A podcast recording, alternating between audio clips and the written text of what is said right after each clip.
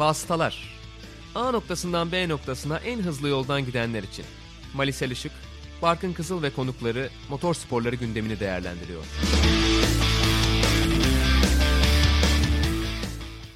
Vasıtaların 42. bölümüne hoş geldiniz. İkinci sezon 27. bölümümüzü Abu Dhabi Grand Prix'sinin ardından ve aynı zamanda tabii ki sezon bitiminin yine ardından kaydetmiş olacağız. Mali hoş geldin. Hoş bulduk. Yani yarışta çok fazla konuşacak bir şey de olmaması aslında iyi ki bu döneme denk geldi demek lazım herhalde. Bu fırsatla beraber biz de şöyle bir takımları sezonu hep birlikte değerlendirelim diye düşünüyoruz. Yani sezonun son yarışından şöyle bir geriye bakacağız. Neredelerdi, nereye geldiler gibi.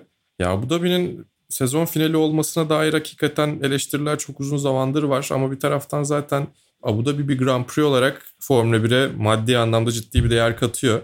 O yüzden yani her şey bittikten sonra sıkıcı bir yarış olması o kadar kötü değil belki. Ama yani bir şeylerin değişmesi gerekiyor herhalde. Pist özelinde artık ne yapılabilir bilmiyorum ama yani heyecanlı yarış hatırlıyor musun sen Abu Dhabi'de? Yani hem heyecanlı yarış hatırlamakla beraber bir de seninle çok konuştuğumuz bir konu biz biraz Brezilya'yı istiyoruz gibi değil mi sezon sonuna?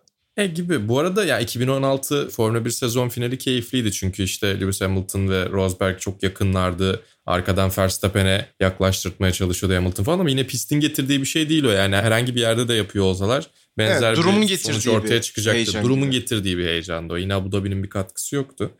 Yani bir de aslında çok çeşitli kullanılabilecek bir pist. 50 çeşit layout'u var. Bir farklılık yapsalar acaba tatlı olur mu diye düşünmüyor değilim. Ama tabii ki yani hani öyle bir derdi var mı Formula 1'in?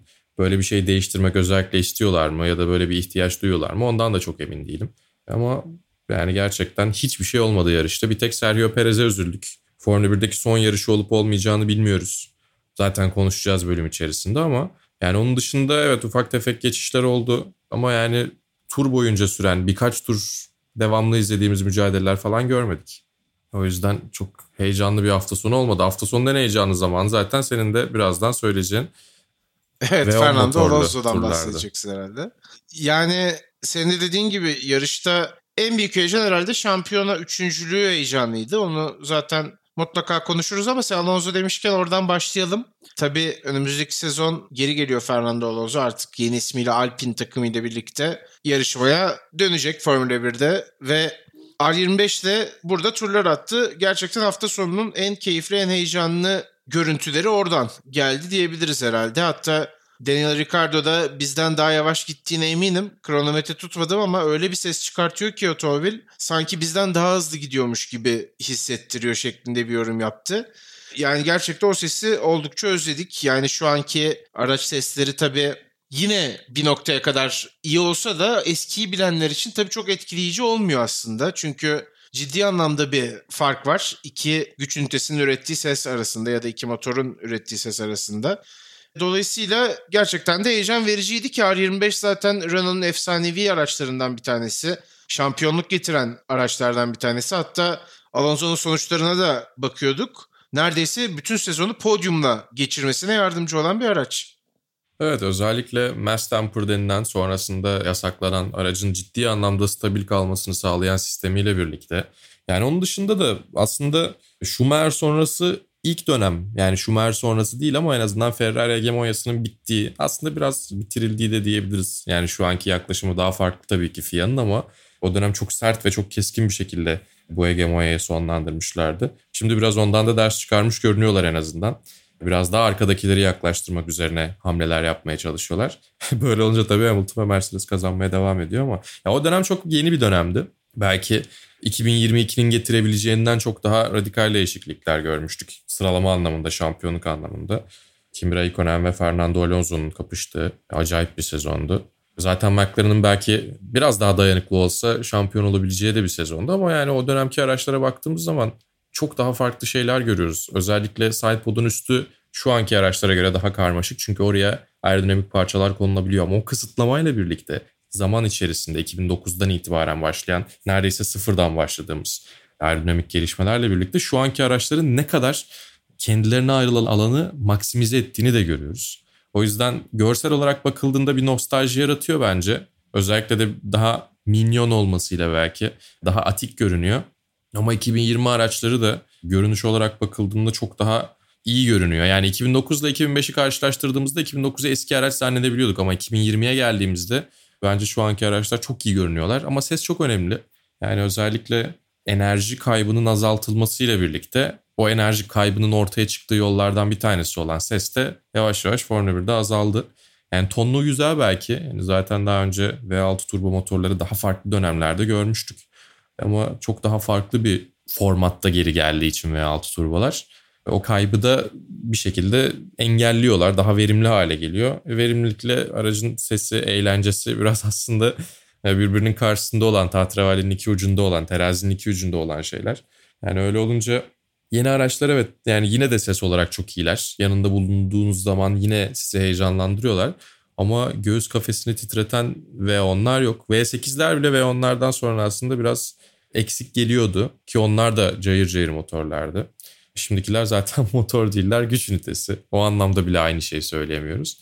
Alonso'nun R25 ile attığı turlar tabii ki daha yavaştı. Yani Daniel Ricciardo'nun veya herhangi birimizin kronometre tutmasına gerek yok. Slick lastiklerle olmasına rağmen ki o dönem oluklu lastikler kullanılıyordu. Daha yavaştı. Yani Formula 1'in ileriye gittiğini kesinlikle söyleyebiliriz. Çoğu anlamda özellikle verimlilik anlamında. Ama hız olarak da geriye gitmedi yani şu andaki araçlar, bu sezon yarışan araçlar tarihin en hızlı araçları. Ama ses anlamında biraz aslında aurası anlamında belki o yarattığı hava anlamında geriye gidildi. Ona da yapacak bir şey yok. Eğer daha farklı şeylere, daha faydalı şeylere sebebiyet verecekse o sessizlik biraz daha kulaklarımızı az kapatarak izleyebiliriz. Ben razıyım. Ama tabii şey o farkı görünce açıkçası insan şöyle bir şey yapıyor. Yani yan yana gördüğünüzde neredeyse aynı hafta içerisinde duyduğunuzda o fark daha çok ortaya çıkıyor. Sen de görmüşsündür Barkın. Lewis Hamilton röportaj verirken arkadan geçiyorlar. Arkadan Alonso geçiyor. Üç gün boyunca sürüş yaptı bu arada. Cuma, cumartesi, pazar. Sadece bir iki tur atarım zannediyordu Alonso. Bayağı çıkıp bir genç sürücü testi de orada yaptı yani. Lewis Hamilton röportaj sırasında o sesleri duyuyor. Geçmesini bekliyor. Ama pistin her yerinden duyabiliyorsun ve onlarda bir şey var. Sonra artık cümlesine devam etmekten vazgeçip ya bunların sesine güzeldi gerçekten diyor. Onun da dikkati dağılmış. Ben de öyle hissediyorum. Ya pilotlar da özlüyorlar belli ki o sesi. İşte senin dediğin gibi Hamilton'da benim bahsettiğim Ricardo örneğiydi. Herkes övgüyle bahsediyor ve bir özlem var gibi gözüküyor konuda. Tabii bu otomobille de güzel bir aslında Top Gear bölümü var bu otomobilin içinde oldu onu da hatırlatalım. Hmm. Ee, Richard Hammond Silverstone'da kullanmıştı. Tabii o biraz yani teatral yönü de olan bir bölüm. Bazı noktalarda biraz abartılı hani sürüş yapmanın zor olduğunu ifade etmeye çalışan anlar var. Ben sonrasında onun bir incelemesini izlemiştim. O kadar zor değil diye anlatıyordu. Kimdi unuttum uzman. Öyle söyleyeyim. Ama keyifli bir bölüm. Onu da izleyebilirsiniz dilerseniz. YouTube'da olması gerekiyor diyeyim. Ben bir de şeyi çok garipsedim. Tabii şimdi halo olmadığı için bu araçlarda ben yani şu geldi aklıma izlerken acaba Helosuz nasıl yarışıyorlarmış? Sanki hiç güvenli değil gibi gözüküyor. Katılır mısın Değildi buna? aslında. Değildi ama farkında değildik sadece. Böyle bir eksikliği Formula 1'de ve motorsporları dünyasında 2009'da fark ettik işte. Önce Henry Surtees'in Brandsatch'teki Formula 2 kazası. Ardından Felipe Massa'nın kafasına gelen yay Macaristan sıralama turları. Onunla birlikte pilotların kaskının ve kafasının ne kadar açıkta olduğu modern dönemde tekrar gündeme geldi. Yani diğer güvenlik problemlerinin hepsini halletmiştik aslında. Ama bir dakika dedik ya çok ciddi bir problem hala var ve çok tehlikeli olabilecek. Yani yaşandığı zaman çok kritik sağlık problemlerine sebep olabilecek bir durum. Yani çok yeni bir şey aslında. Yani Hello da zaten 3 sene öncesine baktığımızda kaskını görebiliyor olmak bir garip geliyor. Bir çıplak hissettiriyor açıkçası pilotlar adına gördüğümüzde. O yüzden senin de söylediğin gibi güvenlik anlamında da ciddi anlamda ilerlemeler var. Onların da en iyisi belki de en gelişmişi, en çok hayat kurtaranı ve kurtaracağı Hello. Evet yani şey yapıyor, fark ettiriyor. Bir dakika bu araçlar farklı diyorsun ama bir şey eksik. Ne eksik dediğinde düşünüyorsun sonra fark ediyorsun. Evet Hello yok diye. Herhalde Lewis Hamilton'dan da bu noktada bahsetmek lazım. Sen az önce röportaj verirken gördüğünü ifade etmiştin. Tabii geçtiğimiz hafta yarışmadıktan sonra biraz da apar topar aslında Covid-19 atlatıp buraya geldi. Ve onun çok %100 olmadığını aşağı yukarı herkes tahmin ediyordu elbette. Buna rağmen sıralamada yine de Bottas'a çok yakın kalmayı başardı. Aslında yarış boyunca da çok ciddi farklar açılmadı iki takım arkadaşı arasında. Ve Hamilton yine bir podyum çıkartmış oldu ne olursa olsun ama sanki biraz fazla acele etmiş gibiydi. Yani %100'ünde olmadığı kesin de en azından.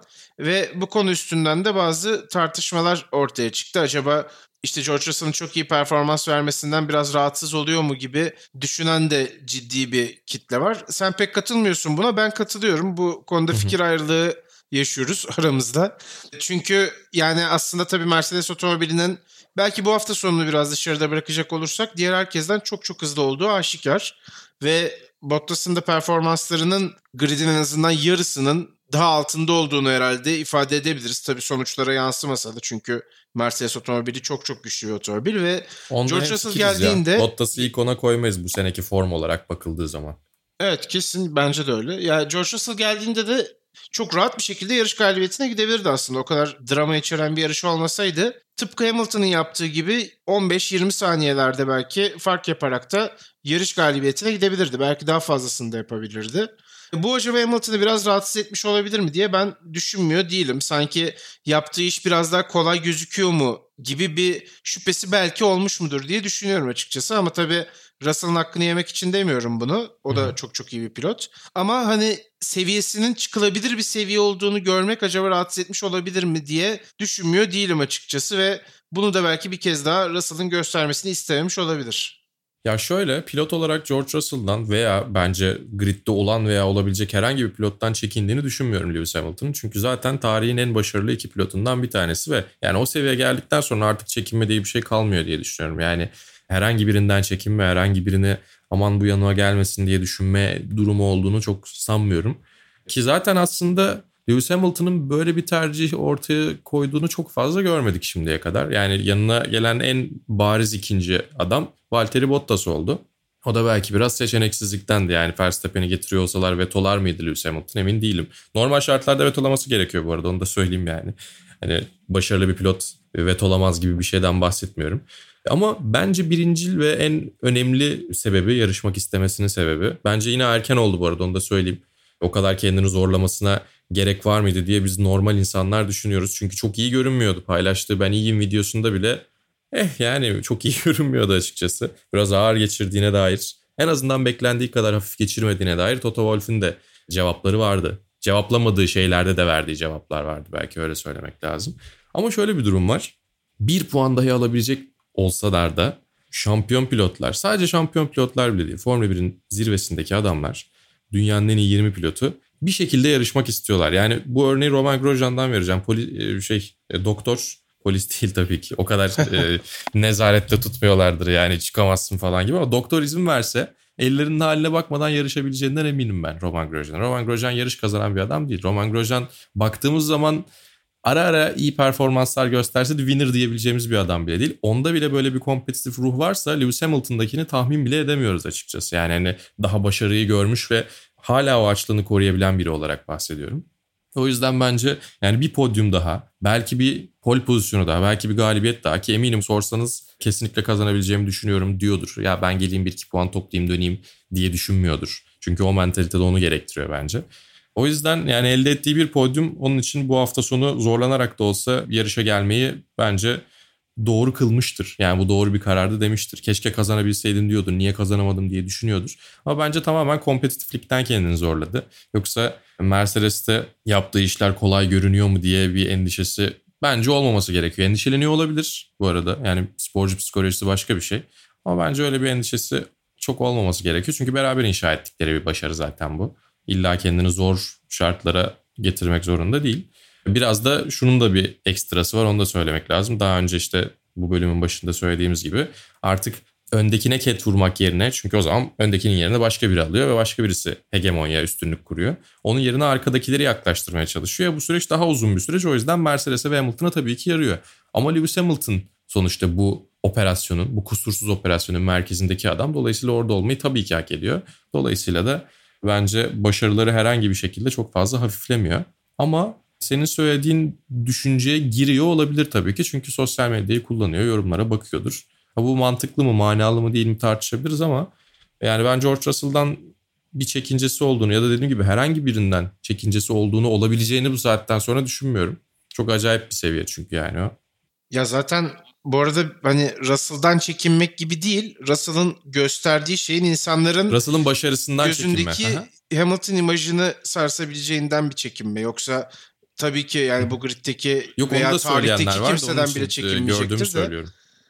Hı hı. Yok o konuda zaten bence de enfikiriz. Yani herhangi birinin daha doğrusu tecrübesi çok fazla olmayan, çok yetenekli, çok potansiyelli ama tecrübesi olmayan birinin gelip o kadar iyi yarış çıkarması bir taraftan Mercedes'in diğerlerinden çok önde olduğunu ve Lewis Hamilton'ın başarısının zaten olması gereken, zaten çok iyi bir pilot olduğu için olması gereken gibi bir imaj yarattığını kendisi düşünüyor olabilir. Bence düşünmemeli ama ben şeyi gördüm ya George Russell'dan çekiniyorlar. İşte George Russell'ı da çok Lewis Hamilton'ın önüne koymak istemiyorlar gibi yorumları gördüğüm için araya onu da kattım. Sen öyle söylediğin için değil zaten. Yani bence çok fazla zorlamayabilirdi. Ya ben olsam zorlamazdım. Ama o yüzden zaten ben 7 kez Formula 1 Dünya Şampiyonu değilim. Sadece onlarla ilgili konuşuyorum. Bence aramızdaki fark o yani bizim normal insanlarla zirve seviyedeki sporcular. Yani sakat sakat oynayanlar falan bunu bütün spor dünyasına da şey yapabiliriz. Motor sporları içerisinden de gidebiliriz. Mark Marquez'in şu anda kariyerinin bitip bitmediğini bilmiyoruz ve tamamen Lewis Hamilton'ın kompetitif ruhuyla aynısı kendine çok ciddi zarar veriyor gibi olsaydı bence Honda'nın yaptığını yapmaz. Honda'nın MotoGP'de yaptığını yapmazdı Mercedes. O zaman bir dur diyebilirlerdi. Herhalde onlar da ciddi bir şey riske attığını düşünmedikleri için ve tabii ki sezonun son yarışında Lewis Hamilton'ı görmek istedikleri için izin vermişlerdir. Yani çok kritik bir durum olsaydı sağlıkla ilgili bence Mercedes izin vermezdi diye düşünüyorum. Sen ne dersin? Evet yani muhtemelen zaten bütün testleri ardından fiziksel testleri de yani sadece Covid testleri değil tamamen yapılmıştır ve yarışması için yeşil ışık gelmiştir. Bu arada kazansaydı tabii bir sezonda en çok yarış galibiyeti rekoruna da ortak olacaktı. Onu da hatırlatalım. Böyle bir hedefi hmm. de olmuş olabilir muhtemelen. Şu an rekor Michael Schumacher ve Sebastian Vettel'in elindeki aslında biri tarihteki biri pistteki en büyük rakibi diyebiliriz belki. Sonuçta çekiştiği Doğru. iki isim. Onlara ortak olacaktı ama en azından bu sezon olmadı Hamilton için. Yine de aslında kötü bir veda yapmadı tabii. Podyum ne olursa olsun çok iyi bir sonuç. O da Mercedes'le bu arada Noel'e kadar artık yeni sözleşmeyi imzalamak istediğini söylüyor. Bayağı bir ertelediler. Biraz uzadı süreç. Böyle bir kozu var şimdi. Ben döneceğim dediyse Mercedes dönme abi diyememiş olabilir anlaşmanız imzalanmadığı için. Evet yani eli güçlü dediğin gibi. Herhalde o anlaşmada zaten yakında gelecektir. Belki önümüzdeki hafta bile gelebilir ya da bu hafta içinde. Diyelim ve Mercedes'i yavaş yavaş noktalayalım istersen. Yani şampiyonluklarından bahsetmeye herhalde gerek bile yok. İnanılmaz bir şampiyonluk zaten. Puan farkı 2 ve 3. sıradaki takımları topladığında bile hala mevcut oluyor. Mercedes'e yetişemiyorlar. Yine müthiş bir üstünlükle bu sezonu geçtiler. Zaten konuşmuş olduk. Biraz da diğer takımlara istersen zaman ayıralım. Red Bull'la devam etmek herhalde doğru olur. Onlar da tabii şampiyona ikincisi olmasının yanı sıra Abu Dhabi'de ilk kez Mercedes'in performans anlamında önünde mi desem emin olamadım ama en azından Mercedes'le mücadele edebilecek bir seviyeye geldiğini gördük Red Bull'un ama tabii çok çok geç oldu. Yani bundan sonra yarış yok. Belki tabii biraz pistin uygun olmasıyla da alakalı olabilir ama Max Verstappen zaten pole pozisyonu ve galibiyet. Bunun dışında Albon'da dördüncülükte zorlanmadı bu defa. Onun zaten bizim ondan beklediğimiz sonuçlardan bir tanesi olduğunu söylememiz lazım. Hep en azından dördüncülükte olmasını bir başarı kıstası olarak kabul ediyoruz herhalde. Sen de öyle düşünüyorsundur. Bu yarışta onu rahat yaptı ama çok geç oldu işte dediğim gibi. Yani Albon'un yapması gereken yarış performansının senin de söylediğin gibi minimumu buydu. Çünkü yine öndekileri rahatsız evet. edemedi. Mercedes'leri rahatsız edemedi. Yapabileceği maksimum da tabii ki Max Verstappen önünde yarış kazanmak. Eğer çıtayı en olabilecek, en tepe, en ideal senaryoya koyuyorsak. Ama yapması gereken en azından Mercedes'in Albon'u da düşünerek strateji yapmasıydı. Onu bu yarışta da yapamadı. Sadece geri kalanların en iyisiydi. Yine müthiş bir performans mı değil mi tartışabiliriz. Şimdi bir taraftan Sergio Perez'in acayip sezon sonu formuyla ki sadece sezon sonu değil sezonun başından bu yana gösterdiği acayip performansla bu hafta içerisinde Red Bull'da açıklanma ihtimalinden ciddi ciddi bahsediliyor artık. Yani hani siz bu bölümü dinlerken bir açıklama gelmiş de olabilir. Sezon içerisinde Albon'la aynı koltuğu paylaşacaklar, dönüşümlü olacaklar falan gibi iddialar da var. Yani orası çok karışmış durumda. Ama Sergio Perez'i önümüzdeki yıl eğer Max Verstappen'in yanında görürsek Alex Albon'dan çok daha iyi bir performans sergileyeceğini elimizdeki verilerle söyleyebiliyoruz. O zaman Mercedes'in işi biraz daha zor olabilir. Biraz daha tek adamı değil iki takım arkadaşını birden, bir takımın iki pilotunu birden kollamak zorunda kalabilirler ki önümüzdeki yıl McLaren Mercedes motoruna geçiyor. Mercedes güç ünitesine geçiyor. Yani dikkat etmesi gereken faktörler sayısı çok artabilir onlar adına. Tabii ki onların artması da bizim adımıza keyifli yarışlar gösterir. Yani Red Bull bu sene özellikle bir de dayanıklık problemleriyle de sorunlar yaşadı. Belki onlar olmasa Max Verstappen dünya ikincisi olabilirdi Valtteri Bottas'ın yalnızca 9 puan gerisinde bitirdi ki bence Bottas için korkunç bir şey bu. Verstappen'i 9 puan geride tutabilmek sadece. Onun dışında aracın dengesiyle alakalı problemler vardı ki zaten Albon'a biraz daha az yüklenmemizin sebeplerinden bir tanesi de o. Aracı kullanmanın çok kolay olmadığı ve Max Verstappen'in kendi yeteneğiyle bu kusurları kapattığını düşünüyoruz. Onları çözmeleri gerekecek önümüzdeki yıl için. Yani dünya ikinciliğinden çok şikayetçi değillerdir. Tıpkı Verstappen'in dünya üçüncülüğünden çok şikayetçi olmaması gibi. Üçüncülük koltuğunu da götürdü. Eve götüreceğim ben bunu dedi. Basın toplantısı odasındaki. Ama ön tarafa gidememeleri arka taraftakilerle de geçilemeyecek olmaları biraz yalnız bir sezon geçirtti onlara. Hem Verstappen adına yarışların içerisinde dahi ne öne gidebiliyor ne geriye gidebiliyor oldu. Çok yarış oldu. Ama iki tane sağlam galibiyet onlar adına. Bir tanesi tabii Silverstone'da cumartesi gününden yaptıkları bir lastik hamlesiyle sonra avantajlı hale gelip yarış kazandılar ki belki yine Silverstone'daki diğer yarışta ucu ucuna da olsa kazanabilirlerdi hiç belli olmazdı. Saçma sapan bir tane yarışla birlikte. Ya bu da bir de de sezonu galibiyetle kapatmış oldular. Yarış temposu olarak senin de söylediğin gibi ilk kez Mercedes'ten önde göründüler. Yani Albon'u da rahat bir şekilde dördüncü bitirebilmesi biraz bunu gösteriyor. Ama yani çok ideal bir sezon muydu? Herhalde değildir. Çok yakın dönemde şampiyonluklar ve üstünlükler yakalamış bir takım olarak. Evet yani belki zaten Albon'un üstündeki en büyük baskı da buradan geliyor. Çünkü iki pilotunuzla birden mücadele etmiyorsanız, edemiyorsanız öndekilerle e o zaman zaten öndekiler dediğim de Mercedes sadece bu arada. Onu da altını bir kez daha çizeyim. E o zaman zaten çok şansınız olmuyor yani. Zaten Hamilton tek başına bile neredeyse işi bitirecek noktaya kadar taşıyor. Yani çok fazla Bottas'ın getirdiği puanlar biraz daha fark açmaya yarıyor gibi gözüküyor. O yüzden Red Bull'un %100 performansa ihtiyacı var. iki pilotundan birden. O yüzden ben Perez anlaşmasının sanki yapılması gerektiğini düşünüyorum. Hatta sanki değil kesin yapılması gerektiğini düşünüyorum ama sanki olacak gibi geliyor bana. Bakalım ne göreceğiz. Enteresan olacak tabii. Albon'da belki dediğin gibi ara ara yarışabilir. Belki bir sene dinlenebilir. Bakalım nasıl bir karar verecekler diyelim. Red Bull'la da ilgili ekleyeceğim bir şey yoksa istersen McLaren'la devam edelim. Çünkü onlar bu sezonun üçüncü takımı olmayı başardılar klasmanda. Hı hı. Evet dolayısıyla Ferrari'den değil McLaren'den bahsetmeyi de hak ettiler. E, aynen öyle sıralamada öne geçtiler sonuçta. Bu tabii ciddi bir para havuzundan faydalanmak anlamına gelmekle beraber aslında prestij olarak da çok önemli. Sonuçta sezon podyumunda yer buluyorsunuz ki öyle kesin McLaren 3. olacağı bir sezonda yoktu. Çok ciddi bir mücadele vardı. Hatta son düzlükte belki en avantajlı takım bile McLaren değil diyebilirdik ama Abu Dhabi'de başardılar üçüncülüğü almayı. Tabii Zac Brown'un da burada şöyle bir değinilmesi gereken isimlerden bir tanesi olduğunu düşünüyorum. Sadece McLaren'da yürüttüğü takım patronu sebebiyle değil, onun sahip olduğu United Autosports takımı da Dünya Dayanıklılık Şampiyonası'nda klasman şampiyonu oldu.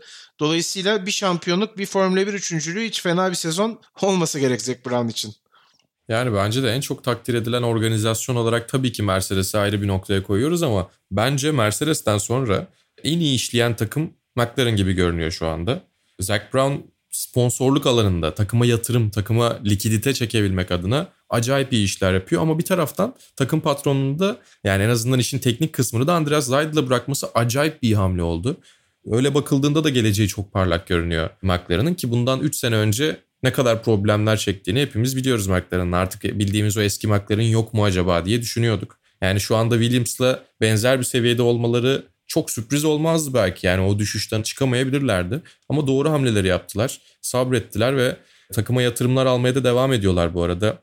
Yine pazar günü bir hisse satışı gerçekleştirdiler. Oradan da ciddi para akışı geldi. Bunların hepsi tabii ki esneklik sağlıyor ve aynı zamanda pilotlar olarak da pilotlara sundukları ortam olarak da belki yani o arkadaş canlısı ortam tabii ki var ama işin içerisinde bir kompetitiflik de var. O dengeyi çok güzel kurarak ekip pilotundan da gayet başarılı sonuçlar aldılar. Biraz daha istikrarlı olabilirlerdi bence.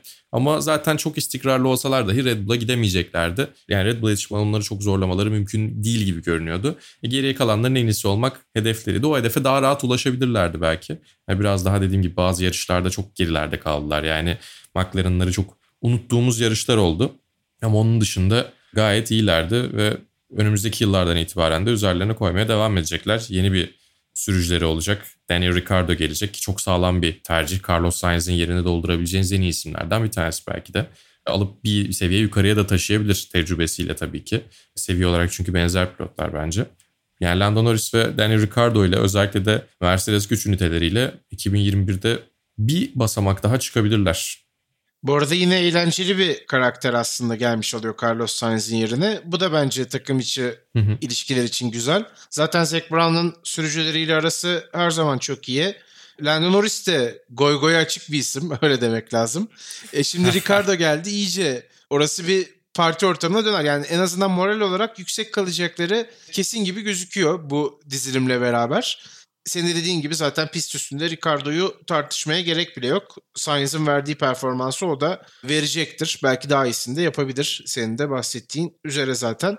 McLaren'dan sonra tabii sırayla gidiyoruz. O yüzden Racing Point'e Hala geçeceğiz. Ferrari değil. Evet. Racing Point'te 7 puanla kaçırdı üçüncülüğü. Aslında önemli bir başarı sayılabilir herhalde. Tabii sezonun başında baktığımızda geçtiğimiz yılki Mercedes otomobilinin biraz biraz değil bayağı kopyalandığını görüyorduk, duyuyorduk da aynı zamanda okuyorduk. İşte gelen bilgiler tamamen bu yöndeydi. Bu da onları belki Formula 1.5'un favori takım haline getirdi gibi bir görüş hakimdi ama sezonda her ne kadar iyi bir çizgi tuttursalar da birçok kez podyum hatta bir de yarış galibiyeti çıkartsalar da yine de McLaren'ı geçmeyi başaramadılar. Burada Tabii Perez'in aslında önemli bir başarısı var. Stroll de fena bir sezon geçirmedi. Ama Stroll biraz daha şanssızdı sanki. Hatta takımın bence dayanıklılık problemleri ya da işte mekanik aksaklıkları sürücülerin performansından biraz çaldı. Biraz puanlar sanki oradan gitti gibi geliyor bana. Ne dersin? Yani öyle bir de düşünüldüğü zaman belki bu sezon potansiyelinin puan olarak altında kalıp bu kadar herkesi etkileyen başka bir takım yoktur diye düşünüyorum. Çünkü yani Sergio Perez iki yarış kaçırdı. Orada çok daha iyi iş yapabilirdi ki bir tanesine çıkamadılar bile Nicole Hülkenberg'le. Yani o yarışı tamamen kaçırdılar. Tek pilotla tek araçla çıktılar gibi. E bir de bir taraftan bu pembe Mercedes muhabbetinden 15 puanları silindi. Fren kanalları yüzünden. O çok ciddi bir fark yani 15 puanı silinmeseydi hiç üçüncülük mücadelesi dahi olmayacaktı belki sezon boyunca. E strateji hatalarıyla senin de söylediğin gibi iki tane podyum hediye ettiler Renault'a. Yani onların önünde kaldılar ama sonuçta ciddi puanlar kaybettiler. Biraz yani beklentilerin çok çok üstüne çıkmalarına rağmen, müthiş bir sezon geçirmelerine rağmen üçüncü bitirebilecek puan miktarına da rahatlıkla ulaşabilirlerdi. Çok ufak tefek şeylerle kaçırdılar. Yani şu anki 195 puanla sezonu bitirdiler. Şu anki 195 puandan belki 20-30 puan daha fazla kazanabilecekleri bir potansiyel vardı. Potansiyellerini %100 gerçekleştiremediler. Ama onun dışında Sergio Perez takımı sırtladı. Gerçekten taşıdı.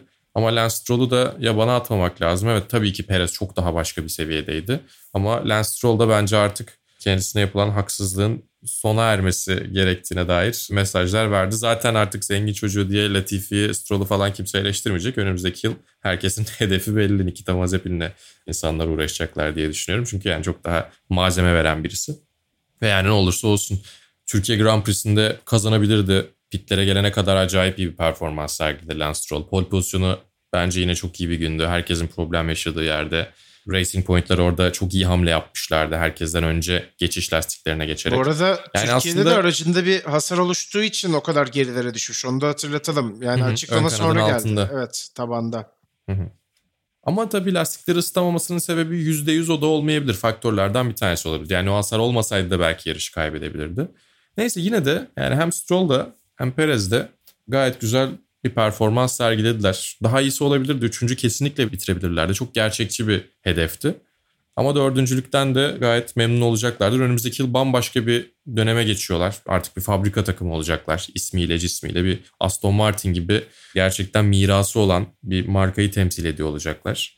Sebastian Vettel ve Lance Stroll'la birlikte. E Vettel tabii Ferrari sonrası biraz daha kendini kanıtlamak isteyecek. Çünkü çok iyi bırakmadı Ferrari'ye son dönemleri ne olursa olsun. Özellikle 2020 sezonu beklenenlerin veya olabileceklerin yani tahmin edebileceğimizin çok altındaydı. O da bir çıkış arayacaktır. Lance Stroll zaten kendini kanıtlama ihtiyacını sürekli hisseden, hissettirilen pilotlardan biri. 2021'de onlar için ilginç olacak. Sergio Perez de tabii veda yarışı olduğu için özel bir kaskla yarıştı burada. Onu hatırlatalım. Üstünde işte bu takımla elde ettiği istatistiklerin olduğu güzel bir tasarımla mücadele etti. Aslında onda tırmanışı yine başlamıştı. Belki puan cetvelin içine de kendini sokacaktı ama tabii teknik problemle beraber, mekanik problemle beraber daha doğrusu yarışın dışında kaldığını bir kez daha hatırlatalım. Buruk bir veda oldu Ama herhalde. doğru söylüyorsun. Pilotlar şampiyonasında dördüncü bitirmesi acayip bir başarı. Ben onu söylemeyi unuttum. İyi ki hatırlattın. Yani Hambotver'den sonraki en iyi pilot. Formula 1.5 şampiyonu diyebiliriz hani eski tabirle geçen seneki tabirle. Veda olup olmayacağını göreceğiz. Veda ise gerçekten buruk bir veda oldu. Ama zaten Racing Point'e ya da o takıma Force India Racing Point takımına Silverstone takımına vedası bence de buruk oldu. Ve belki buradan elde edebileceği potansiyel puanlarla ki yani gridin gerisinden başlama cezasıyla aslında biraz sekteye uğramıştı hafta sonu başlamadan. Ama puanlar alabileceği bir yarıştı bence ve belki Racing Point'e o aradaki puan farkını, McLaren'la olan puan farkını kapatıp öne geçecek puanları da getirebilirdi. Ama ne olursa olsun Sergio Perez'i kesinlikle iyi hatırlayacağız bu sezondan sonra devam ediyorsa da etmiyorsa da. O zaman Renault'la devam etmek lazım. Onları tabii Alpine ismiyle izleyeceğiz önümüzdeki sezondan itibaren. Renault dediğimiz şimdilik son sezon. Tabii değişiklikler olabilir ileride. Fernando Alonso'nun gelişi zaten çok büyük bir beklenti yaratıyor. Onu belki en çok beklediğimiz isim şeklinde de herhalde anmak mümkün önümüzdeki sezonki yarışacak isimler arasında. Ama bu sezon yine Renault takımı da biraz sanki inişli çıkışlı bir grafik çizmelerine rağmen fena bir iş çıkartmadı gerçekten. Hatta Ferrari'nin 50 puan önünde kapattılar bu sezonu. Üstteki takımlara daha yakın kapattılar ya da başka bir deyişle. Örneğin 3. olan McLaren'ın aralarında sadece 21 puanlık bir fark var ki çok büyük bir fark değil bu. Yani birkaç problemle ya da birkaç ekstra performansla onların da önüne geçebilirlerdi. Herhalde Daniel Ricciardo'yu biraz daha fazla bu noktada konuşmak lazım. O takımın çok daha fazla öne çıkan ismiydi. Esteban Ocon biraz daha bence beklentinin altında kaldı. Biraz daha en azından bu sezon için biraz ısınmaya yönelik bir sezon geçirdiğini düşünüyorum ben. Tabii önümüzdeki yıl Fernando Alonso olacak takım arkadaşı. Alonso'nun Ricardo'ya göre belki anlayışı da biraz daha farklı olabilir. O konu biraz daha itebilir daha iyi performanslara gitmesi için. Biraz daha hırslı bir sürücü Fernando Alonso. Bunun bir etkisi olur mu sence o konuda ne dersin? Yani seneye böyle yarışamaz. Evet bana da öyle geliyor. Evet mekanik problemler de bazen onu engelledi. Yani her zaman kendi suçu değildi ama Danny Ricardo gibi başarılı ama çok da etrafındakileri sıkıntıya, strese sokabilecek pilot değil. Yani seni de alıyor, birlikte götürüyor. Fernando Alonso öyle değil. Fernando Alonso'nun yanında parlamadığın zaman parlamadığın bir şekilde anlaşılıyor. Fernando Alonso çünkü kendini yükseltiyor. Ve işte yani bu araçtan böyle bir performansı biraz zor çıkardık ama böyle şeyleri takım olarak yapmamız gerekiyor diyor. Kompetitif bir adam ve mutlaka senin de benzer bir performansta ya da ona yakın olmanı istiyor. Ne olursa olsun. Yani Esteban Ocon önümüzdeki sene böyle yarışırsa tefek olur açıkçası ve yerine belki Gazli ya da başkaları falan düşünülmeye başlanır. O yüzden seneye kesinlikle kendini geliştirmesi gerekiyor. Ama bir taraftan senin de söylediğin gibi Formula 1'e ara verdikten sonra geri döndüğü için Esteban Ocon en azından bu seneyi öyle düşünmek lazım. Zaten garip bir sezon oldu herkes için. 2020 performansı üzerinden belki çok net şeyler herkese söylemememiz gerekiyor. Ama yani takımı sırtlayan tabii ki Danny Ricciardo oldu. Yani bir podyum o kadar onlar için imkansız görünüyordu ki Cyril bir dövme iddiasına girdi işte. Ve birden fazla iki pilotlarıyla birlikte podyumlar elde ettiler. O açıdan da bence beklentilerin çok üstünde bir sezon oldu. Önümüzdeki yıl tabii çok daha farklı bir noktaya gidecekler. Biraz daha sportif markalarının, Alpine'in ismini ön plana çıkaracaklar. O mirası biraz kullanacaklar. Ben sarı rengi özleyeceğim açıkçası Renault özelinde daha böyle yüzeysel bir yorum yapmam gerekirse. Ama Alpine'in ve Fernando Alonso'nun gelişi de beni heyecanlandırıyor. Bu sezonda bence güzel bir ara basamaktı. Bu sezonda ileriye doğru gittiler. Kesinlikle geriye gitmediler. O yüzden memnun olacaklardır diye düşünüyorum. Geriye gitmek demişken de sana Ferrari pasını atman için fırsat Evet yani iyi bağladık gerçekten. Son bir ekleme yapayım sadece kapatmadan. Herhalde sezonu izlemeden sadece sonuçlara bakıp bunu dinlese bir işte dinleyicimiz Ocon bu sezon podyum yapmış. Siz hani nasıl eleştirebiliyorsunuz? Renault ile podyum yapan bir ismi diye düşünebilir ama sezon boyuncaki performansı pek de öyle değildi. Dediğin gibi enteresan bir sezon. Enteresan sonuçlar da gördük. Ha, iyi olabilirdi kesin. Evet o zaman geçelim Ferrari'ye. Altıncı basamakta konuşuyoruz Ferrari'ye. Bu sezon geride bırakabildiği takımlar Alfa Tauri, Alfa Romeo, Haas ve Williams Ferrari'nin bu takımlar arasındaki en iyisi olmayı başardılar. Yani ne söylemek lazım gerçekten bilmiyorum. Yani en kötü ihtimalle üçüncülük için yola çıktıkları kesin. Hedef olarak belki ikincilik daha gerçekçi gözüküyordu. Red Bull'la mücadele etmeyi umuyorlardı. Sezonu 6. bitirdiler. Kesinlikle bence bu sezon takımlar arasında beklediğinin en çok altında kalan taraf. Zaten hani tartışması var mı bunun ondan da emin değilim ama yine de değerlendirelim tabii. Yer yer çok nadir de olsa hızlı oldukları bölümler oldu. Ama genel anlamda tabii aslında güç ünitesindeki o kurallara uygunsuzluğun bulunmasından bugüne ki geçtiğimiz sezona tekabül ediyor aslında neredeyse. Onun sonlarından gelen bir süreç. Çok yavaşladı Ferrari ve aslında dizaynları da belki biraz boşa çıkmış oldu. Ben açıkçası Ferrari'nin bu sezonu biraz daha göz ardı edip önümüzdeki yıllara odaklandığını düşünmüyor değilim. Yine onlar da tabii podyum yapmayı başardılar bu sezon. Zaten bu sezon herkes podyum yaptı neredeyse. O anlamda da enteresan bir sezon. Ama ne olursa olsun geliştirilmesi gereken çok şey var herhalde. Ve bu da sadece Fethel'in gitmesiyle çözülecek bir mevzu değil herhalde. Öyle gözüküyor. Yani Ferrari'de ciddi bir kültür sorunu zaten var. Ama senin de söylediğin gibi güç ünitesi ve güç ünitesini değiştirmek zorunda kalmaları. Geçen sene Abu Dhabi Grand Prix'sinden itibaren ortaya çıkan bir değişiklikti bu. Ve tabii ki yeni aracı baştan tasarlayamadılar o kalan birkaç ay içerisinde. 2021'de daha iyi olacaklardır. Ama yani bundan zaten daha iyi olmak zorundalar. Önümüzdeki yıl böyle bir performans sergilerlerse Ferrari çok ciddi bir buhran içerisine girecektir. Yani tek sezonluk bu rezalet bile bence gerçekten onları düşündürüyordur diye tahmin ediyorum. Yani öncelikle tabii ki o kültür değişimi nasıl olacak bilmiyorum. Şimdi Louis Camilleri'nin Covid-19 pozitif çıktıktan sonraki istifasıyla birlikte biraz rüzgar değişebilir. Ama Ferrari'de rüzgar değişiyor. Bir türlü Ferrari'nin gitmesi gereken yöne götürmüyor o yelkenli. Ya öyle de bir durum var. Rüzgar değişimi olumlu bir şey de demek olmayabilir. Ama çok şanslılar. Gerçekten çok iyi iki pilotla yarışacaklar 2021'de. Carlos Sainz ve Charles Leclerc'le.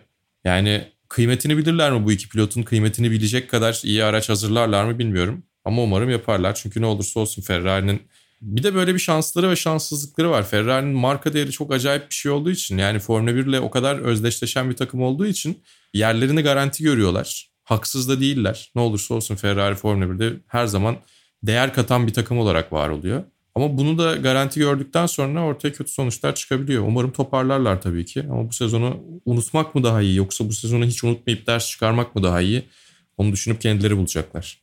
Tabii Sebastian Vettel'in vedası ile ilgili de mutlaka birkaç cümle etmemiz lazım. Güzel görüntüler de oldu aslında. Belki o biraz Ferrari-Vettel ilişkisi çatırdıyor gibi gözüküyordu. Yine de ne olursa olsun güzel ayrıldılar. Vettel'in de bunda tabii özellikle pist dışı karakterinin çok büyük etkisi var bence. İşte takım radyosundan kendi bestelediği şarkıyı söyledi öyle diyeyim.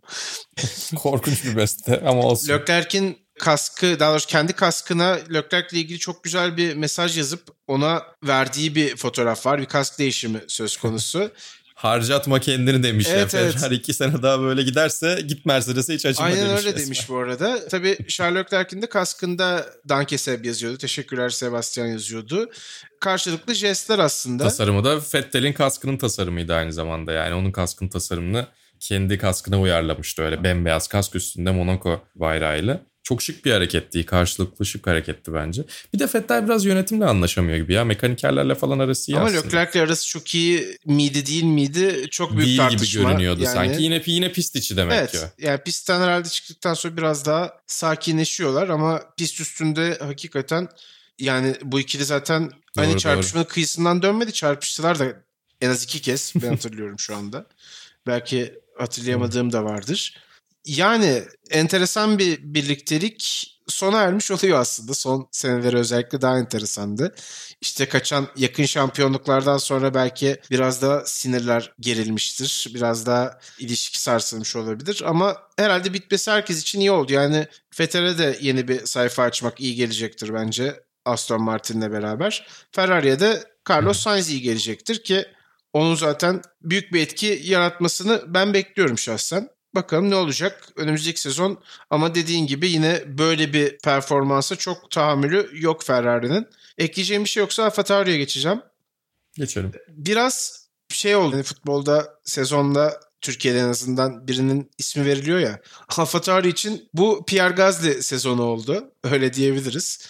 Yani çok öne çıkan bir performans. İki katından fazla puan aldı takım arkadaşı Daniel Kvyat'ın ki Kvyat da bu gösterdiği kadar kötü bir pilot değil bana sorarsan ama bu sezon çok geride kaldı performans anlamında. Ama Pierre Gasly'nin yükselen bir yıldız olduğunu ifade etmek lazım. Onun tabii önümüzdeki yıl takım arkadaşı kim olacak hala şu anda kesinleşmiş değil. Çok büyük ihtimalle Yuki Tsunoda'yı izleyeceğiz. Belki Albon olma ihtimali de olabilir ama o daha düşük bir olasılık gibi gözüküyor. Ama Pierre Gasly'nin tabii hem bu sezonu değerlendirelim hem AlphaTauri'de kalması sana da biraz enteresan gelmiyor mu? Sanki biraz daha yukarıya gitmeyi hak ediyordu. Ya Pierre Gasly için çok iyi bir sezon oldu. Kariyerinin ilk galibiyetini elde etti. İyi de performanslar sergiledi. Galip gelmedikleri haftalarda da bazen çok kötü olduğu oldu. Yine istikrarsızlık aslında onlar için de olumsuz yönlerden bir tanesiydi ama Özellikle belki yine bir podyumu, potansiyel bir podyumu daha kaçırdı. Imola'da Emilia Romagna Grand Prix'sinde. Orada Daniel Kvyat ön plana çıktı. Sezonun ikinci yarısında Daniel Kvyat da kendini epey toparladı. Ya Kvyat'a şöyle üzülüyorum. Bu adam 26 yaşında ve Formula 1 kariyeri bitecek gibi görünüyor. Sürekli yani biraz işte yükselip sonra kovulup sonra geri gelip sonra tekrar kovulup yani tamam evet inanılmaz bir yetenek harcanmadı belki ama şu kendisine yapılandan daha fazla bir değeri hak ediyordu gibi geliyor. En azından o açıdan üzücü. Ama yapacak bir şey yok. Formula 1 biraz böyle. Pierre Gasly sanki o dönme dolaba girmekten kendini kurtarıyor gibi.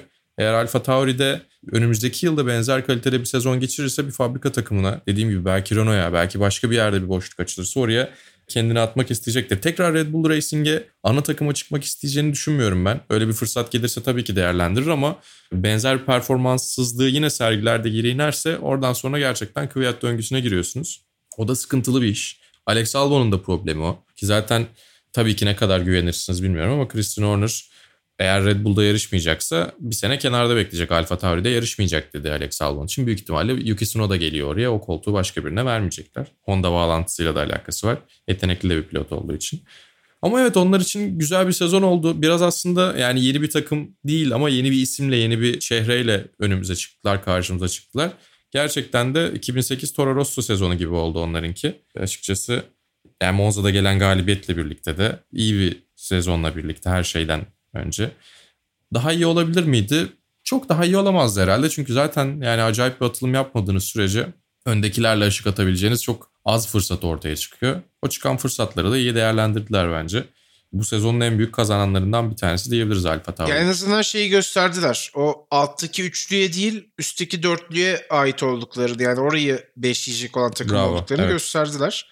Ben buradan da bu arada herhalde daha yukarı doğru gideceğini tahmin ediyorum. Yani tekrar o aşağılara gerileme gibi bir durum olacağını çok zannetmiyorum. Bence geleceği iyi olan takımlardan bir tanesi. Gelecekle ilgili hiçbir sinyal vermeyen bir takıma geçelim buradan. Alfa Romeo yine aynı tas aynı hamamda devam ediyor çok garip bir şekilde. Ya tabii ya Giovinazzi niye yarışıyor hakikaten Raikkonen de yarışıyor. Yani anlayan varsa. Çok, bilmiyorum ne yakaladılar bu sezondan da bu sürücü kadrosunu koruyorlar. Anlamak zor ama ya Kimi Raikkonen bir değer sonuçta ne olursa olsun şampiyon bir pilot. İşte rekorlar kırmaya devam ediyor falan. Hani geri geldiğinde iyi performanslar sergiliyor. Hadi o Kimi Raikkonen'i anlarım ama Giovinazzi'nin önümüzdeki yıl Alfa Romeo Sauber'le yarışıyor olmasının hiçbir geçerli sebebi benim için yok. Senin ya için bu arada Raikkonen de Giovinazzi de ikisi de dörder puan aldılar onu da söyleyelim. Yani getirdikleri Öyle, evet. Yani. Performans aynı. Ben sadece şunun altını çizecektim. Aslında Ferrari motoruyla yarışan takımları çok çok düşük puan almalarından dolayı pek de yargılamamak lazım. Ya onu ifade etmekte fayda hmm. var. Çok yavaş bir güç ünitesi. Orta sıraya yakın sayabilirdi Alfa Romeo doğru söylüyorsun. O yüzden yani çok da aslında kesin konuşup çok fazla eleştirmek bilmiyorum ne kadar doğru ama Williams'la yarışacak seviyedeler. Tabii onun da eleştirilmesi gereken bir yan olduğunu herhalde ifade etmek lazım. Ya burada çok heyecan verici bir şey yok. Haas'ta biraz daha fazla heyecan verici bir durum oluştu. İstersen onlardan bahsedelim doğrudan. Tabii Mick Schumacher'in gelişinden ve onun takım arkadaşının Nikita Mazepin olmasından bahsediyorum. uzun süredir görmeye alışkın olduğumuz Magnussen Grosjean ikilisi veda etmiş oldular. Birlikte yarıştılar, birlikte veda ettiler.